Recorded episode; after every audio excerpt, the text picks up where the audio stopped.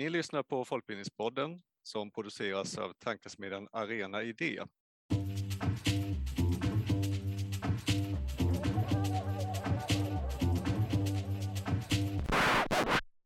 Jag heter Ola Bo Larsson och med mig i studion har jag Maria Graner, generalsekreterare för Folkbildningsrådet och Gerhard Holmgren, generalsekreterare emeritus från Rio. Välkomna! Tack. Tackar, tackar. Gerhard, vill du eh, kommentera den här titeln jag gav dig? Ja, jag vart ju väldigt förvånad och glad. Det är ju en vacker titel att få heta emeritus. Eh, nej, men jag har eh, för dryg vecka sedan avslutat min tjänst som generalsekreterare på Rio och jobbar förvisso kvar nu på, på halvtid för att eh, bidra till överföringen till min efterträdare Olle Westberg. Men annars är jag på väg in i, i ålderspension, fyller 65 här före jul. Det är svårt att sluta helt, så det är rätt skönt att få göra den här mjuklandningen som jag har nu. Helt plötsligt så, så ska man börja planera eh, sin agenda ordentligt. Det har man inte gjort sedan man var sju år. Eh, det har alltid varit en struktur, skola, utbildning, eh, arbete. Och, och, nu helt plötsligt är man i en situation där man ska skapa sin tillvaro mycket tydligare igen. Men det är spännande och utmanande. Just det. Då tänkte jag vi skulle ha lite fokus på Folkbildningsrådet och eh, granskningen av Folkbildningsrådet. Men eh, först tänkte jag eh, be dig Maria, bara om du har någon som inte känner till Folkbildningsrådet, hur brukar du beskriva vad det är för någonting? Ja, men vi är ju folkbildningens eget organ, en ideell förening som eh, har ett myndighetsuppdrag att fördela statsbidraget. För medlem, våra medlemmars räkning så gör vi det som riksdag och regering kräver för att statsbidrag ska utgå till studieförbund och folkhögskolor. Och det betyder att vi sätter upp villkor för eh, bidragen, ramarna, inom ramen för regeringens styrning. Vi fördelar bidraget mellan de olika bidragsmottagarna och vi följer upp hur det används. Upptäcker vi fel eller får indikationer på att bidraget används fel så granskar vi den verksamheten eller den rapporteringen och kan återkräva statsbidrag. Och det är också vi som bestämmer vilka studieförbund och folkhögskolor som ska få bidrag, alltså vilka som ska komma in i systemet om man är en ny folkhögskola till exempel.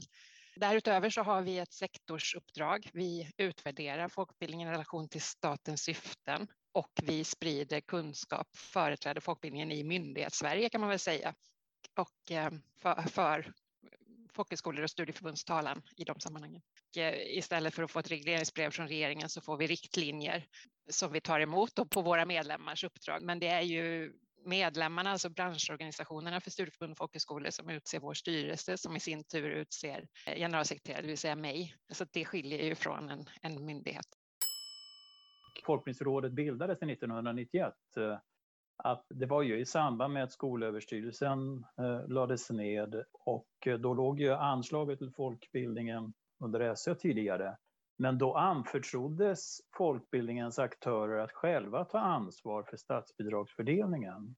Och det gick ju ganska snabbt att upprätta då det här förvaltningsorganet som vi får beskriva det som, ändå, som Folkbildningsrådet utgör. Det var ju RIO tillsammans med landstings, dåvarande Landstingsförbundet, numera SKR, och eh, studieförbunden i samverkan som det heter nu, som gemensamt etablerade då Folkbildningsrådet, som då också har fått uppdraget ifrån regeringen att i myndighets ställe, regering och riksdag, fördela statsanslaget. Och det här ju de, den här konstruktionen finns ju inom ja, men RF, idrotten har det, Svenskt Friluftsliv har det.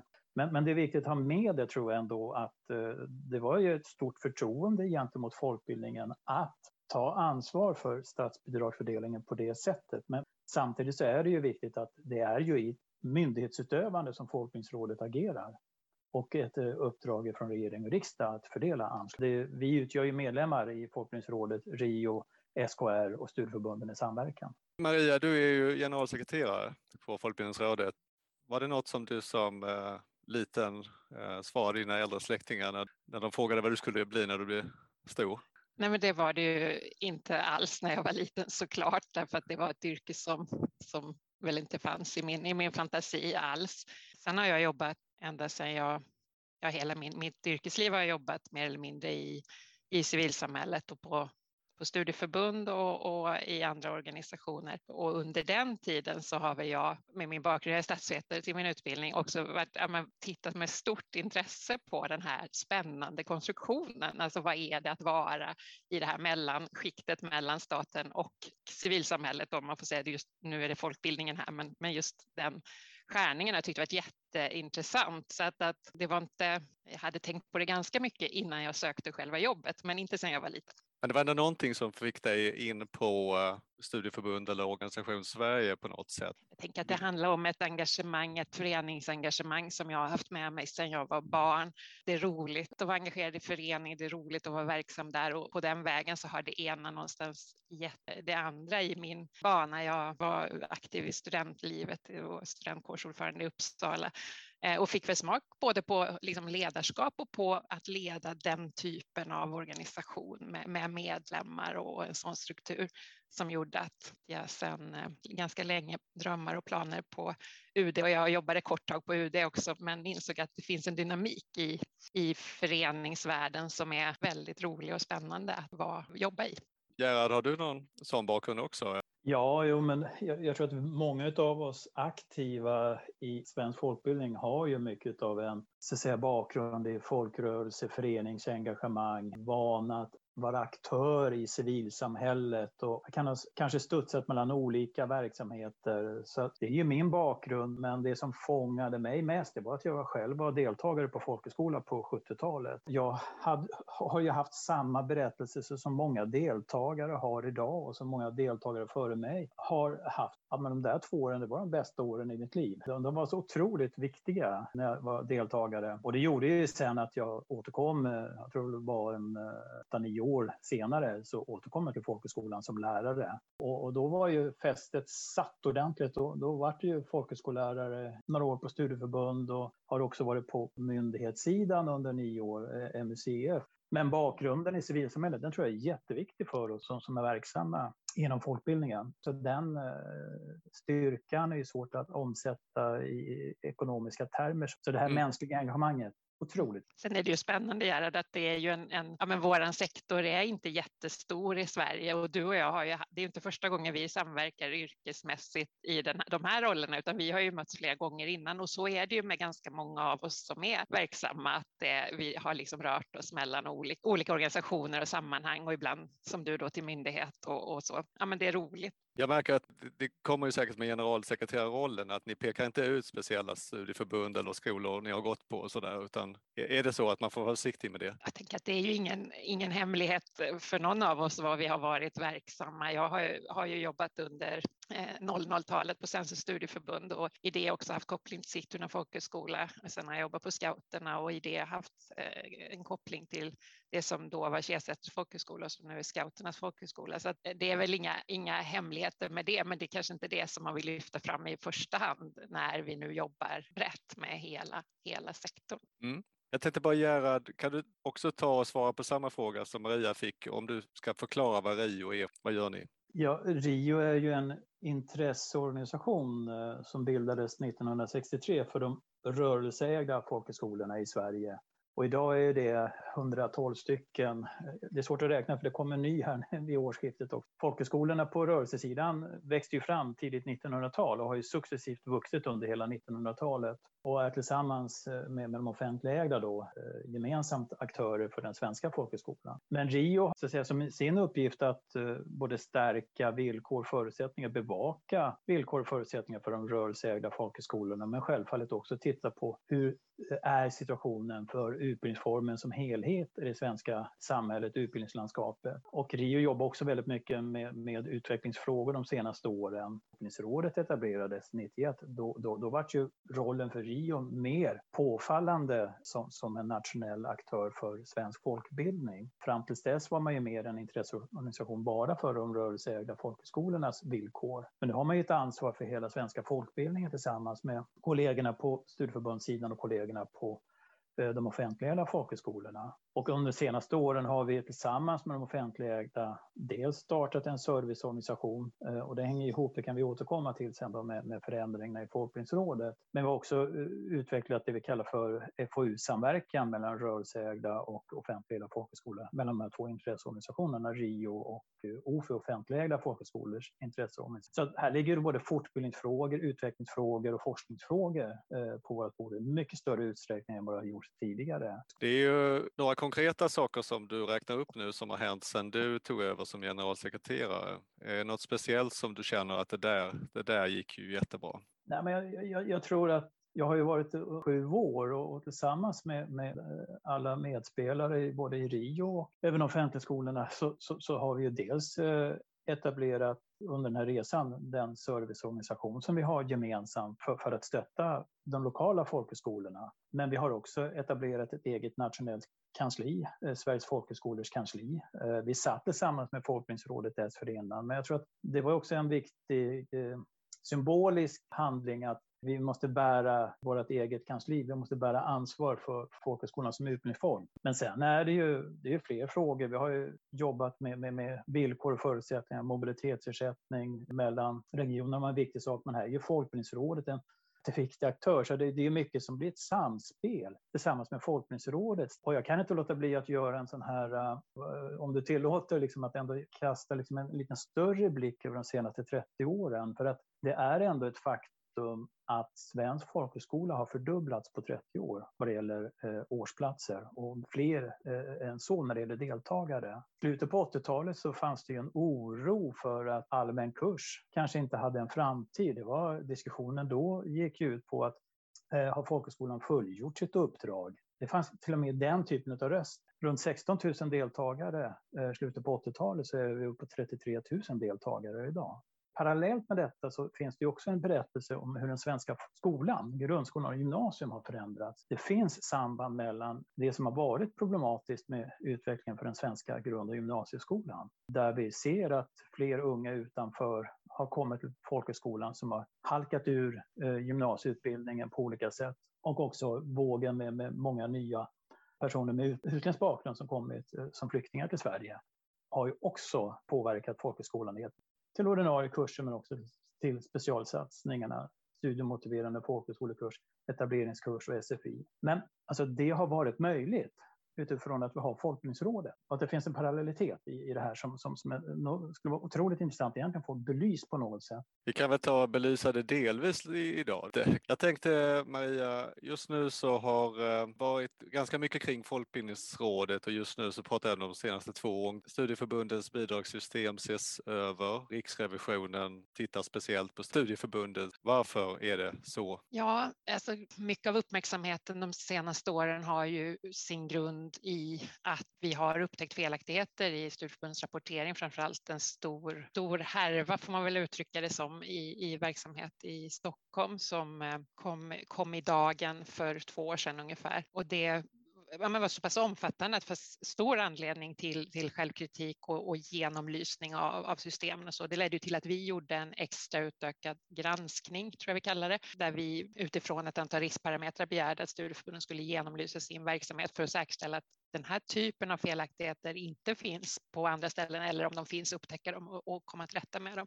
Och det var ju en stor lättnad när vi insåg att nej, men det finns inget mer av den här kalibern eller det här i, i, i verksamheten utan det ser, det är ju ändå felaktigheter. Studieförbunden hittar dubbelrapporteringar och annat som, som in, i en omfattning som inte ska finnas. Så att det har ju lett till en väldigt stort omfattande arbete med att se över systemen, förstärka kontrollen, både hos studieförbunden 1 och 1, som hos studieförbunden gemensamt inom branschorganisationen och hos oss.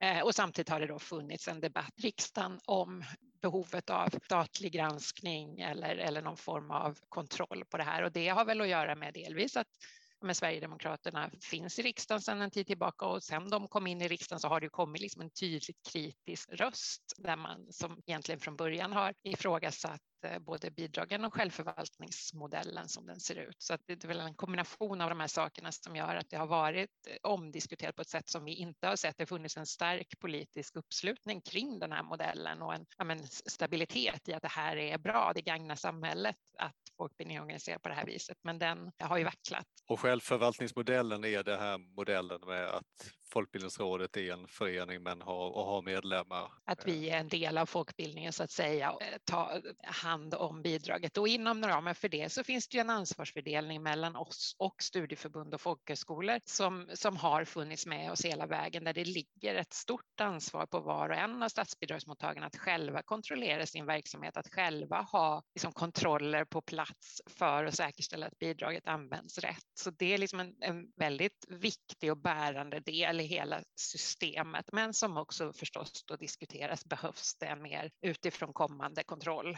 Det är ju en, en ny debatt som vi inte har sett på det viset. Många frågor som diskuteras kring självförvaltningen internt hos oss, de är ju återkommande om man tittar på de här 30 åren. Hur ska roller fördelas mellan oss och medlemmarna? Hur ska vi liksom säkerställa oberoendet hos Folkbildningsrådet? Hur ska vi skapa utrymme för nya aktörer att komma in och så? Det, det är ett ett antal frågor som, som har diskuterats internt egentligen i alla år och så har man landat lite olika och liksom balanserat det. Men just den här externa debatten har inte funnits på det viset.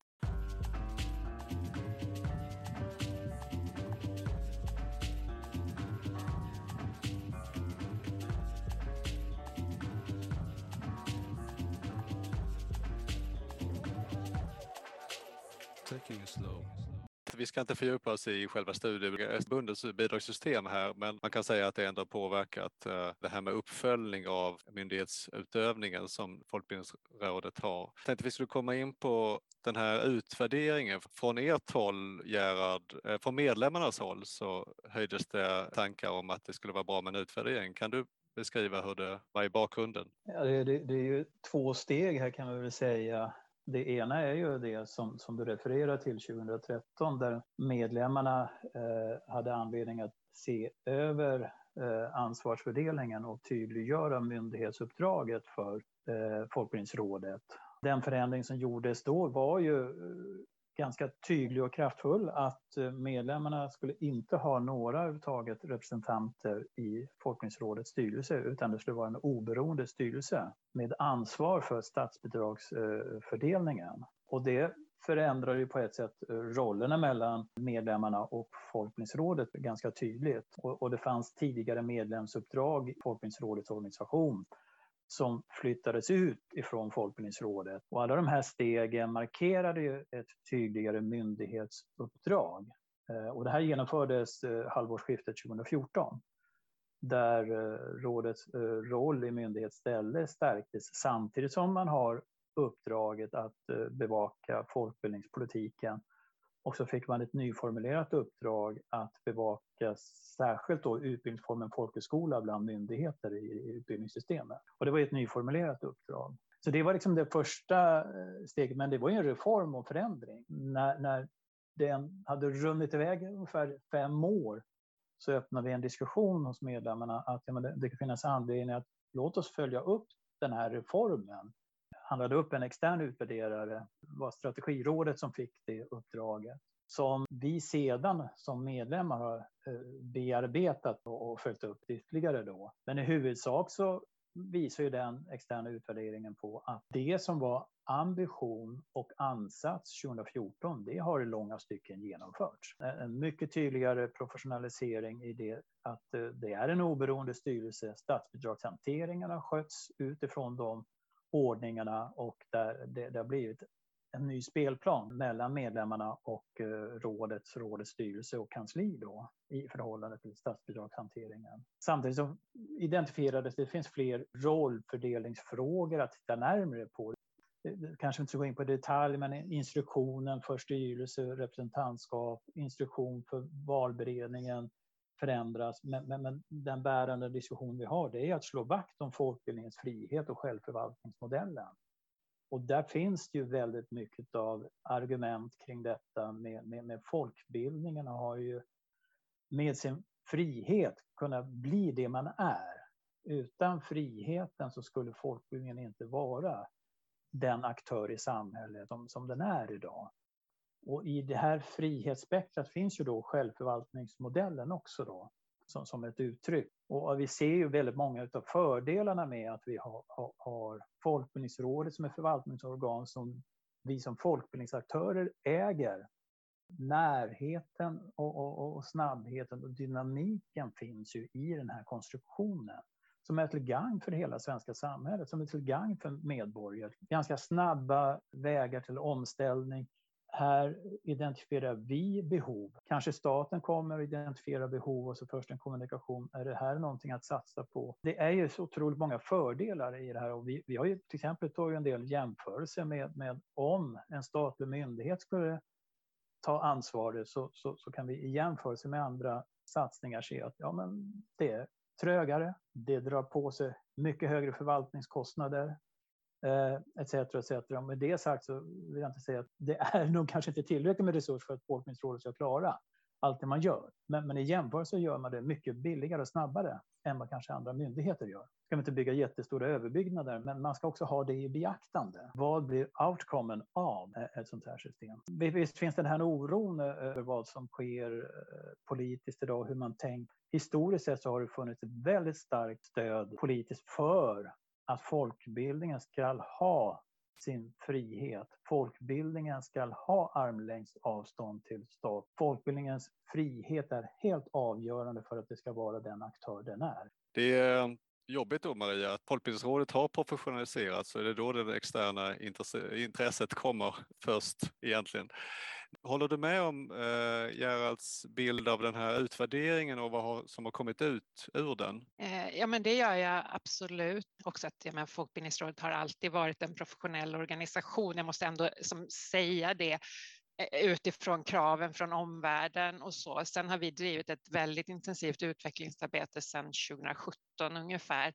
Ja, men efter att de här stora förändringarna som du beskriver, är en ny styrelse, knoppade av medlemsuppdragen, det gjordes ju direkt, men däremot så tog vi inte ordentligt tag i det interna arbetet förrän ungefär 2017 och började liksom bena i hur, hur ska vi jobba? Och, och, det har ju handlat jättemycket, det är, det är ett superinternt arbete på ett sätt, för det har handlat så mycket om, om formerna för hur vi gör saker och ting. Vi har ju kommit till beslut tidigare också, det har varit välavvägda beslut och, och en struktur på det, men vi har sett ett behov av att förvaltningslagens krav, eh, medlemmarnas krav, omvärldens krav så behöver vi vara mycket, mycket mer omsorgsfulla i, i hur vi jobbar, processerna, hur vi dokumenterar, hur vi blir liksom spårbara, transparenta i det vi gör och så. Och det har ju handlat om IT-stöd, om arbetssätt, eh, om ja, men vilka vi rekryterar. Vi har fortfarande ett stort behov av att ha mycket människor som har eh, kunskap, djup kunskap och känsla för folkbildningen, men vi har behövt fylla på med människor med erfarenhet från myndighetssammanhang. Vi har anställt jurister, men sådana saker. Så det var ju skönt att få den här utvärderingen eh, som, som kom sen, som, som också gav ett kvitto på att ja, men det är bra och som, som ni som medlemmar också kunde kvittera och säga men vi är nöjda, vi, det här är bra. För det är klart att alla delar i det här är inte alltid jättebekväma för sektorn eller och som sagt, det, det precis som du säger, det kostar också pengar. Eh, vi har behövt lyfta av mer pengar från statsbidraget under åren. Det har delvis att göra med att verksamheten har ökat, alltså folkbildningen har ökat och det har kommit till nya, nya bidrag och så, men, men också med det här arbetet att det nya arbetssättet så att säga kräver mer resurser. För en sån här modell så är det klart att det alltid finns ett visst mått av, av skav. Det är ett antal aktörer som ska komma överens och som ska ha tillräckligt mycket tid för att prata ihop sig om saker och ting och förstå varandras perspektiv och så vidare. Och där det är klart att vi inte alltid är på den perfekta plattformen när det kommer till det, också utifrån att förändringen av Folkbildningsrådet har förutsatt förändringar av branschorganisationerna. Alltså att tagning förändras så betyder det också att ett identitetsarbete som du ju beskriver vad det gäller RIO, men det har ju varit samma för studieförbunden i samverkan och i någon utsträckning också för, för föreningarna inom SKR. Där, där blev ju utvärderingen ett bra sammanhang att dels få ett externt öga på de frågorna.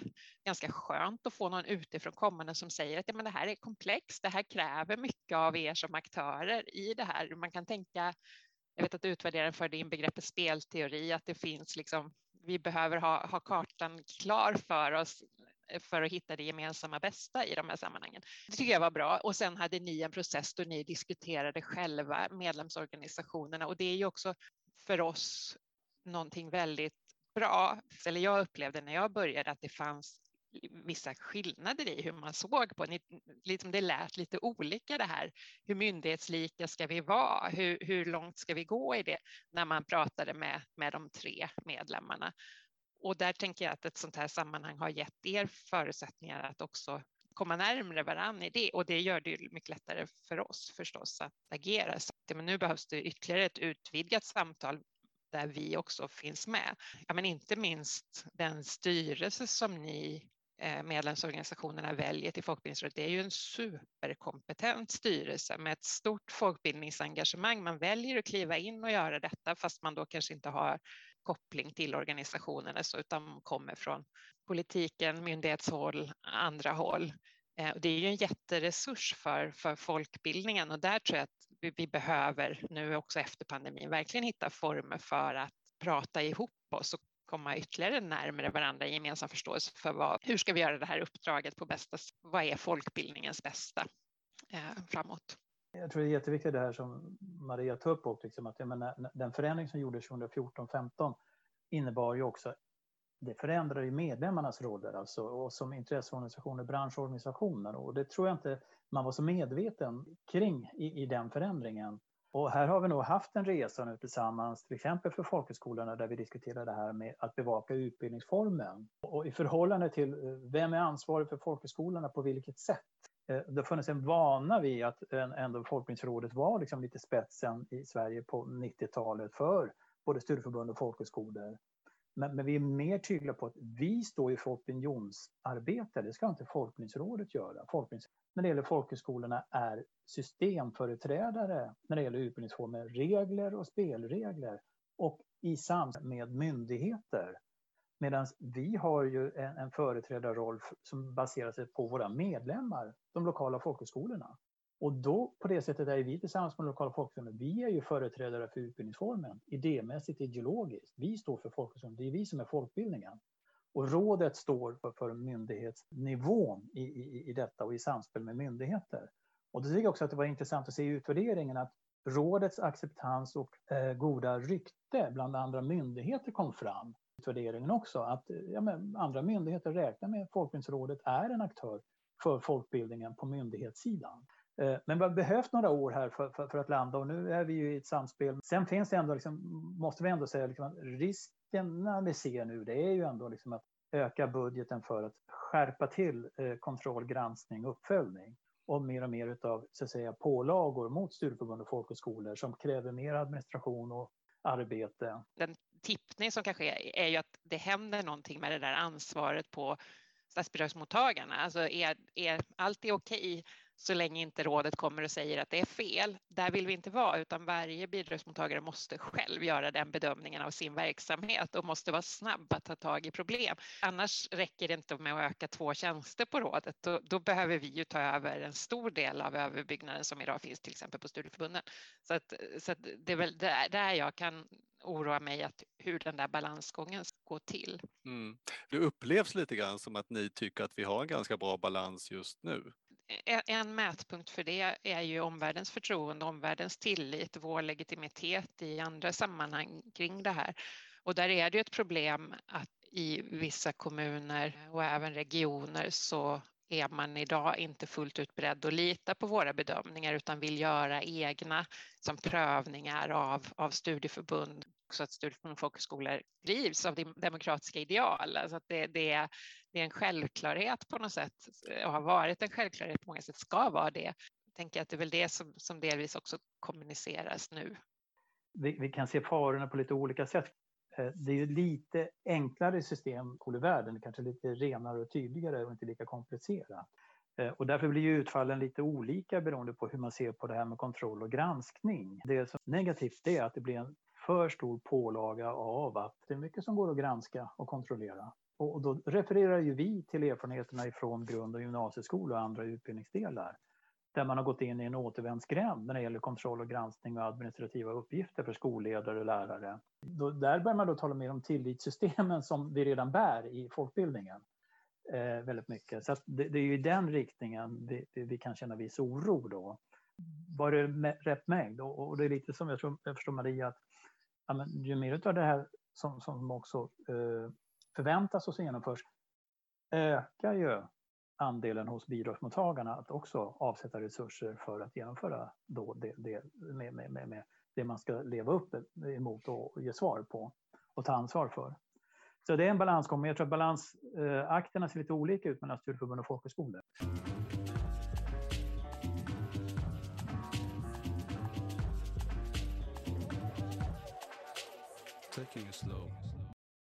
Gerhard nämnde att, att från eh, de egna från medlemsorganisationerna och sen kan det bli verklighet av det. Är det så det går till? Jag tänker på just eh, en, en kursform på folkhögskola som studiemotiverande folkhögskolekurs eller på studieförbund så tänker jag till exempel det här med svenska för föräldralediga och sånt där. Hur, hur, upps, hur skulle ni säga att det oftast uppstår någonting nytt på, inom folkbildningen? Ja, men dels uppstår det ju en massa nya saker hela tiden inom ramen för det ordinarie bidraget, alltså att det finns en kreativitet att, att skapa saker. Eh, men, men det, det allmänna bidraget på folkhögskola till exempel, det är ju väldigt fritt hur man får använda det. Det finns krav på hur allmän kurs ska se ut och det ska finnas minst 15 procent allmän kurs, men därutöver så är det ja, men du, du kan anordna de kurser som du bedömer att du kan rekrytera deltagare till och som du vill ha och så vidare. Så där pågår ju innovation och det är väl när man kan visa sån, sån aktivitet för politiken så kan det också snappas upp där och komma tillbaka som ett riktat uppdrag. Eller det kan plockas upp av branschorganisationen eller av oss och liksom paketeras och serveras. Men det är någon slags, och tittar man just på svenska för föräldralediga så var ju det helt och hållet ett politiskt initiativ, att, att här, här finns några som faller mellan stolarna i systemen men som skulle behöva svenska, man får inte gå SFI för man är föräldraledig och man är inte längre i asylverksamheten eh, utan man har uppehållstillstånd, ja, men då skapades det här. Men det kom ju naturligtvis också till på grund av att studieförbund är aktiva på sådana arenor och, och eh, det del är det att vi skriver ett budgetunderlag varje år där vi för fram och det diskuterar vi med, med bransch, våra medlemsorganisationer vad vill vi föreslå? Liksom? Och det är ju en viktig del, men det är ju fel att säga att alla satsningar som görs eh, kommer direkt från, från budgetunderlaget, utan det är ju jag skulle vilja lägga till här ändå, liksom, för det här är ju, det är inte så att vi som intresse och branschorganisationer sitter på våran kreativa kammare och tycker nu ska det här göras. Utan vi har ju örat mot marken. Vad händer ute på skolorna? Det är ju där innovationen äger rum i allra högsta grad ta yrkesutbildning på folkhögskola har ju funnits i hela historien. Men det har inte uppmärksammats så tydligt ifrån regering eh, och riksdag. Vi har under många år eh, sagt att borde inte det finnas lite mer så att säga, tankar kring vad yrkesutbildningen på folkhögskola skulle kunna betyda. Och under pandemin så blev det mer tydligt. När vi ser att fler skolor börjar med allmän kurs med yrkesinriktning, nya yrkesutbildningar kommer till, ta lärarassistentutbildningarna till exempel, det är ingenting som vare sig Folkbildningsråd eller eh, RIO eller vi har suttit och hittat på, utan det, det sker ute på skolorna. Då formuleras det och, och, både av oss och Folkbildningsråd och det kan också bli tydligt gentemot regeringskansliet sedan. Och på det sättet under pandemin så kom då uppdraget med yrkesutbildningar specifikt då, eh, som är temporära nu då förvisso, och med vård och omsorgsinriktning. Men det börjar ute på skolorna. En sista fråga det är val i höst. Vad har ni för förhoppningar att debatten ska kretsa kring? Jag hoppas såklart att folkbildningen kommer eh, lyftas fram i många sammanhang som en möjlighet. Folkbildningen spelar ju en jätteviktig roll för Sverige idag, både folkhögskolan som, som den andra chansen eh, och som en möjlighet eh, för många människor att komma vidare i livet, men också studieförbunden med sin liksom infrastruktur, sin tillgänglighet i hela landet är ju så viktig och det är politiska diskussioner där folkbildningen utmålas som ett problem är ju smärtsamma på det viset. Folkbildningen är en möjlighet, så det är klart att jag hoppas på det. Eh, och sen hoppas jag på en relativt eh, snabb budgetprocess med tydliga besked om hur om budgetförslag 2023, för som det ser ut nu så är det många satsningar som tar slut 2022 och det gör det svårt för studieförbund och folkhögskolor att veta om man ska våga satsa, om man ska våga bygga nya verksamheter och så vidare när man inte vet hur blir det sen. Så att eh, det är en lite mer teknisk förhoppning. Kort Gerhard. Det är jättemycket med, med, med, i den mån man vill vidröra folkbildningen i valrörelsen så hoppas jag att det kommer fram mycket tydligt, vilket är en realitet och det är folkbildningens betydelse och folkhögskolornas betydelse för integration och inkludering. Jättebra. Tack så hemskt mycket för att ni kunde ta er tid att vara med här idag och eh, tack för alla intressanta tankar och jag hoppas att eh, våra lyssnare blev lite klokare av hur det ligger till eh, när det gäller folkbildning i Sverige och hur det ser ut på Folkbildningsrådet. Tack och hej! Gerhard Holmgren och Maria Graner.